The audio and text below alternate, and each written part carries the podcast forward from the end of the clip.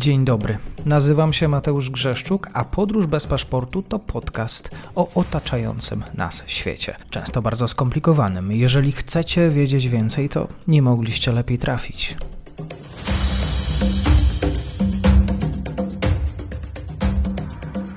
Partnerem odcinka jest Oanda, TMS Brokers, dom maklerski obecny na rynku już od ponad 20 lat. W opisie odcinka znajdziecie link do aplikacji, której możecie otworzyć konto maklerskie i grać na giełdzie, a wcześniej potrenować na koncie demonstracyjnym. Jeżeli otworzycie konto za pośrednictwem tego linku, dostaniecie na start książkę o tematyce inwestycyjnej. Zapraszam, Mateusz.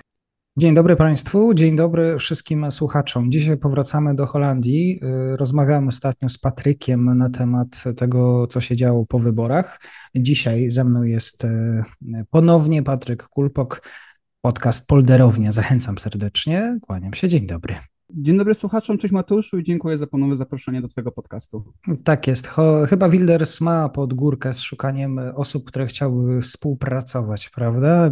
Biorąc pod uwagę koalicjantów. w dużym skrócie sytuacja, jak już wcześniej rozmawialiśmy e, w odcinku na, na, na ramach Twojego podcastu, no to Wilders wygrał wybory jako największa partia w Izbie Reprezentantów. 37 e, miejsc e, w tej izbie e, otrzymał, największa partia e, w, w, aktualnie w Holandii.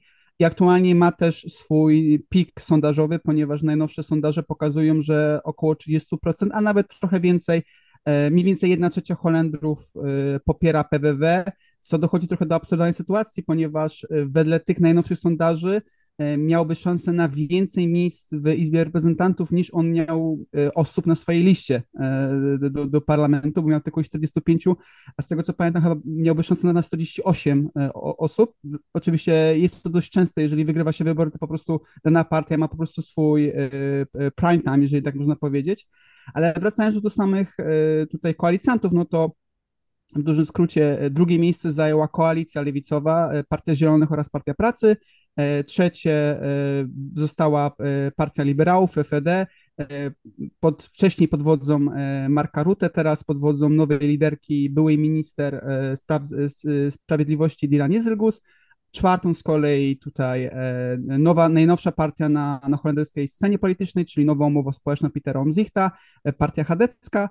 Kolejną partią jest D66, Partia Socjaliberalna, dość już powiedzmy stara partia, bo od lat 60. Zresztą 66 to jest po prostu ich rok, ich rok założenia. E, no i kolejną partią jest y, partia BBB, czyli Partia Rolników pod, y, pod y, przewodnictwem Karoli van Plas. I tutaj kolejne partie, w sumie ich jest ich w sumie 15 aktualnie w holenderskim parlamencie, ale sama koalicja i same rozmowy koalicyjne są prowadzone już od końca listopada, przełomu listopada i grudnia zeszłego roku pomiędzy właśnie e, Partią na Rzecz Wolności e, Harta Widlersa, e, FFD, czyli tą partią liberałów, nową umową społeczną oraz partią rolników. I teraz, jeżeli ktoś policzy miejsca tych poszczególnych czterech partii, zorientuje się bardzo szybko, że coś tutaj nie za bardzo gra, ponieważ partia BBB nie jest w ogóle potrzebna do utworzenia koalicji. E, e, można zapytać, dlaczego w takim razie e, ta partia została poproszona, żeby też uczestniczyć w rozmowach koalicyjnych. Jest to z prostego wyboru, ponieważ BBB zdołało jeszcze wygrać zeszłoroczne wybory do, do władz prowincjonalnych i władze prowincjonalne w Holandii wybierają Senat. Senat nie jest wybierany przez wyborców holenderskich bezpośrednio. E, przez to e, Partia Rolników stała się największą partią w Senacie, więc bez tej partii nie za bardzo w ogóle można tworzyć koalicję w Senacie, więc stąd prośba właśnie Harta Wildersa e, do Caroline van der Plas, aby uczestniczyć też w wyborach koalicyjnych. Taka ciekawostka, w wywiadzie matka Karolin van den Plas, zresztą sama była polityczka na poziomie regionalnym, sprzeciwia się tej koalicji, uważa Herta Widersa za rasistę i, i, uważa po prostu, że jej córka popełnia błąd w ogóle, e, siedząc przy jednym stole z, z Hertem Widersem. I tutaj oczywiście e, jest duże oburzenie ze strony raczej postępowej, lewicowej i częściowo liberalnej, ponieważ też część e, E, wyborców FFD sprzeciwia się e, koalicji z Hartem Widersem. E, taka ciekawostka, taka koalicja miała już miejsce, było tu pierwszy rząd Marka Rutte, kiedy to PWW wspierało rząd, rząd mniejszościowy, ten rząd upadł po dwóch latach, kiedy to po prostu Herd Wilders wycofał swoje poparcie, przy, wbrew pozorom nie przy jakichś prawach związanych z uchodźcami, z migrantami, tylko przy prawie emerytalnym i po prostu przy, przy reformie tego prawa emerytalnego.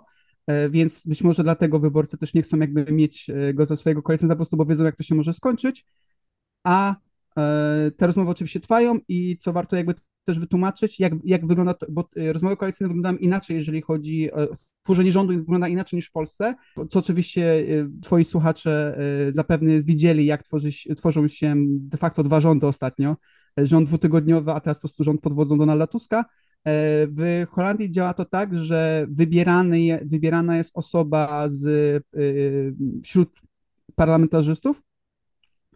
E, jest on tak zwanym zwiadowcą bądź po prostu mediatorem i tutaj tą rolę spełnia Ronald Plasterk z ramienia Partii Pracy, czyli kompletnie w ogóle z innej partii, która nie jest w ogóle związana z tą ewentualną przyszłą koalicją, który po prostu, no, on jest mediatorem, on zawsze, zawsze musi być obecny przy rozmowach przy tym, przy tym stole, bo to jest do, dosłowny stół, przy którym po prostu siedzą, siedzą już osiem osób, ponieważ każdy z liderów tych czterech partii zaprosił swojego sekundanta, e, swój numer dwa y, ze swojej partii i w dziewięć osób po prostu rozmawiają przy jednym stole i omawiają e, tą umowę koalicyjną, która być może po prostu się pojawi i ten rząd będzie po prostu zawiązany.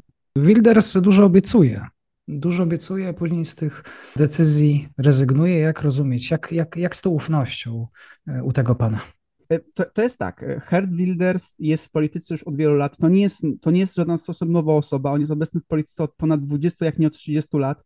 On zaczynał swoją karierę polityczną jeszcze w ramach tak naprawdę partii, partii na rzecz wolności, Ludowej Partii na rzecz Wolności i Demokracji, czyli tej właśnie partii PFD. E, on w pewnym momencie zresztą został rzecznikiem tej partii i został, no, został zawieszony i wyleciał z tej partii, ponieważ e, on jako rzecznik tej partii i tutaj jest trochę ironia, bo patrząc na to, jak aktualnie Turcja tak naprawdę, rozmowy akcesyjne pomiędzy Turcją a Unią Europejską są zawieszone i zamrożone tak naprawdę, to jest to trochę ironią, patrząc na to, że Gerd Wilders wtedy już mówił, że w Unii Europejskiej nie ma miejsca na taki kraj jak Turcja, E, i on za to został e, zawieszony e, w ramach koła, parlamenta, w ramach koła parlamentarnego i później oddał legitymację partyjną i parę lat później założył swoją partię właśnie na rzecz wolności, której rzecz jasna jest jedynym członkiem, bo jest to partia jednoosobowa oficjalnie. I on oczywiście przez te 20 ponad lat po założeniu, e, przez prawie 20 lat założenia Partii na Rzecz Wolności, e, główne swoje postulaty to były postulaty anty, antymuzułmańskie, antyimigranckie, ale on jednak celował najwięcej swojej niechęci, czasami nawet wręcz nienawiści w stronę właśnie muzułmańskich obywateli, mieszkańców Holandii, właśnie do Holendrów tureckiego czy marokańskiego pochodzenia, czy migrantów pierwszego, e, pierwszego, e, pierwszego pokolenia, no bo trzeba też pamiętać, że ta migracja z Turcji, z Maroka w Holandii trwa nieprzerwanie od lat 60. i tutaj y, żyją y, już y, ludzie, którzy na przykład mają tutaj swoje wnuki, ewentualnie żyją tak długo, że żyją dłużej zdecydowanie w Holandii niż, niż w swoim kraju, z którego pochodzą i na przykład w tych krajach na przykład nie byli już wiele lat. E, jedyne po prostu, co ich łączy, to nazwisko, rodzina i ewentualnie paszport, którego za bardzo nie mogą się pozbyć, ponieważ Maroko i Turcja, jako, jak na przykład też Meksyk, mają, mają takie prawo, że nie możesz pozbyć się swojego pierwszego paszportu, tak? Jakby do końca życia prawnie będziesz Turkiem, Marokańczykiem. I tutaj oczywiście pojawiają się postulaty e, Harda Wildersa, który, który e, ze swojego programu politycznego, który ogłosił w 2017 roku, z których musiał się wycofać podczas tych rozmów koalicyjnych. I wycofał się dosłownie z trzech, ale dość ważnych postulatów, i tutaj pozwoli, że, że je tutaj przytoczę. E, pierwszy postulat to, to była maksymalnie 5 lat pozbawienia wolności za posiadanie Koranu, bo Koran, Koran według Helta Widersa powinien być książką zakazaną na terenie Holandii, e, bądź uczęszczania do szkoły islamskiej. Mm, szkolnictwo w, w Holandii jest dość liberalne, e, i tutaj istnieje równolegle właśnie szkoła islamska, ale też szkoła żydowska, szkoły chrześcijańskie, ale też oczywiście szkoły świeckie, publiczne, e, tak samo uniwersytety, one historycznie są protestanckie, katolickie albo świeckie, no ale też naprawdę no, nikt nie spodziewa się tak naprawdę na uniwersytetach amsterdamskich jakichś po prostu nauk e, religijnych, to, po prostu bardziej to jest historyczne e, i takie mm, tradyc, taka tradycja, że ten uniwersytet jest tradycyjnie protestancki albo katolicki. I według, i według Herta Wildersa wizyta w samym meczecie miałaby się nawet skończyć e, kilkoma miesiącami w więzieniu. Drugim postulatem, z którego musiał się wycofać, był, e, był zakaz wielokrotnego obywatelstwa wśród osób sprawujących urzędy oraz pozbawienie prawa głosu osób posiadających podwójny paszport i dotyczyłoby to około 1,3 e, miliona obywateli o tureckim i marokańskim pochodzeniu, obywateli Holandii, a trzecim postulatem, z którego się wycofał, była propozycja tak zwanego aresztu administracyjnego, który zakładałby, że osoba podejrzana e, o dżihad, e, po prostu o, o, jakby o chęć zrealizowania zamachu terrorystycznego na terenie Holandii, mogłaby zostać zatrzymana na okres do 6 miesięcy bez wyroku sądu i bez interwencji sędziego, czyli po prostu byłyby jakieś przesłanki, że dana osoba może zorganizować zamach terrorystyczny właśnie w ramach dżihadu i taka osoba po prostu mogłaby siedzieć 6 miesięcy w areszcie bez skazania, bez żadnego wyroku. A jeżeli chodzi o te podwójne obywatelstwo, no to Herd Wilders chociażby skrytykował jakiś czas temu swoją, być może przyszłą koalicjantkę e, Dilan Jezylgus, e, właśnie lider, nową liderkę partii FFD, ponieważ ona e, pochodzi z Turcji, ma pochodzenie turecko-kurdyjskie i do dnia dzisiejszego posiada wciąż turecki paszport. Oczywiście ma też holenderski paszport, ale po prostu podwójny paszport. I o to właśnie się Herr wielokrotnie do niej czepiał, e, chociażby też w parlamencie, gdzie mówił, że nie może być tak, e, że, że, że Holandią rządzą, i tutaj właśnie wymienił trzy narodowości, e, Turcy, Marokańczycy i Szwedzi, ponieważ jedna z minister, poprzednich ministerstw ma, po, ma pochodzenie z kolei e, holendersko-szwedzkie, jest Szwedką z urodzenia, ale po prostu przyniosła się do Holandii wiele lat temu i się naturalizowała, więc ona po prostu jest, ma pochodzenie szwedzko-holenderskie. Holenderski Urząd Statystyczny i tak miał podawać, że w ciągu najbliższych lat zwiększy się liczba migrantów przyjeżdżających do Holandii. Od 2028 roku będzie ich przybywać około 310 tysięcy rocznie w porównaniu do obecnych 240 tysięcy, tak podawały media. Andrzej Pawluszek dla bankier.pl duże liczby. No, to jest duże wyzwanie na przyszłość. Tak, Central Bureau Statystyk, które, które moim zdaniem robi bardzo dobrą robotę, jest to Centralne Biuro Statystyczne, które po prostu ściąga wszystkie możliwe liczby, e, jeżeli chodzi o Holandię, e, bada po prostu wszystko, co się da. E, według ich tutaj, znowu tutaj, trzeba też mieć na to uwadze, że takie przewidywanie wzrostu populacji zawsze trzeba tak brać pół na pół, bo to się może wydarzyć, ale też może wydarzyć się jakieś ważne wydarzenie po drodze, na przykład odpukać jakaś wojna e, i ta populacja po prostu się tak bardzo nie zwiększy, e, więc według CBS-u e, do tego właśnie roku ma być w sumie mieszkańców Holandii 18 milionów, trochę powyżej, że tak naprawdę ogólna liczba mieszkańców Holandii zwiększy się mniej więcej o 1 milion, czy nawet mniej niż o 1 milion, co się wydawało, że to nie jest aż tak dużo, no ale trzeba też pamiętać, jak Holandia jest małym krajem, jeżeli chodzi o, o kontynent europejski, ale trzeba też pamiętać, że jeżeli mamy tutaj właśnie tych 300 tysięcy migrantów rocznie, trzeba też pamiętać o osobach, które wyjeżdżają z Holandii, bo w zeszłym roku według właśnie tego samego CBS-u z Holandii wyjechało ponad 200 tysięcy osób.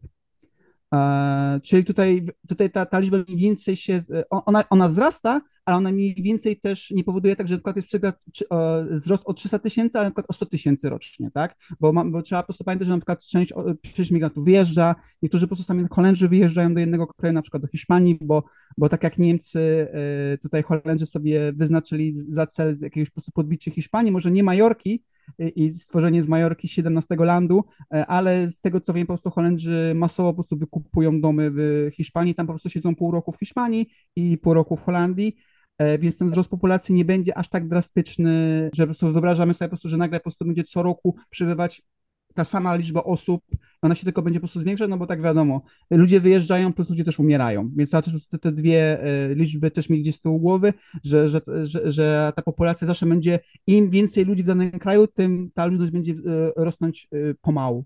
Bardzo dziękuję za dzisiejszy komentarz z Holandii. Zapraszam raz jeszcze na polderownię. Kłaniam się. Dzięki, Patryk. Dzięki, Mateusz. Dziękuję serdecznie za odsłuchanie tej audycji. Zachęcam oczywiście do kliknięcia subskrybuj, obserwuj oraz wsparcia mojej pracy na serwisie Patronite. Do usłyszenia.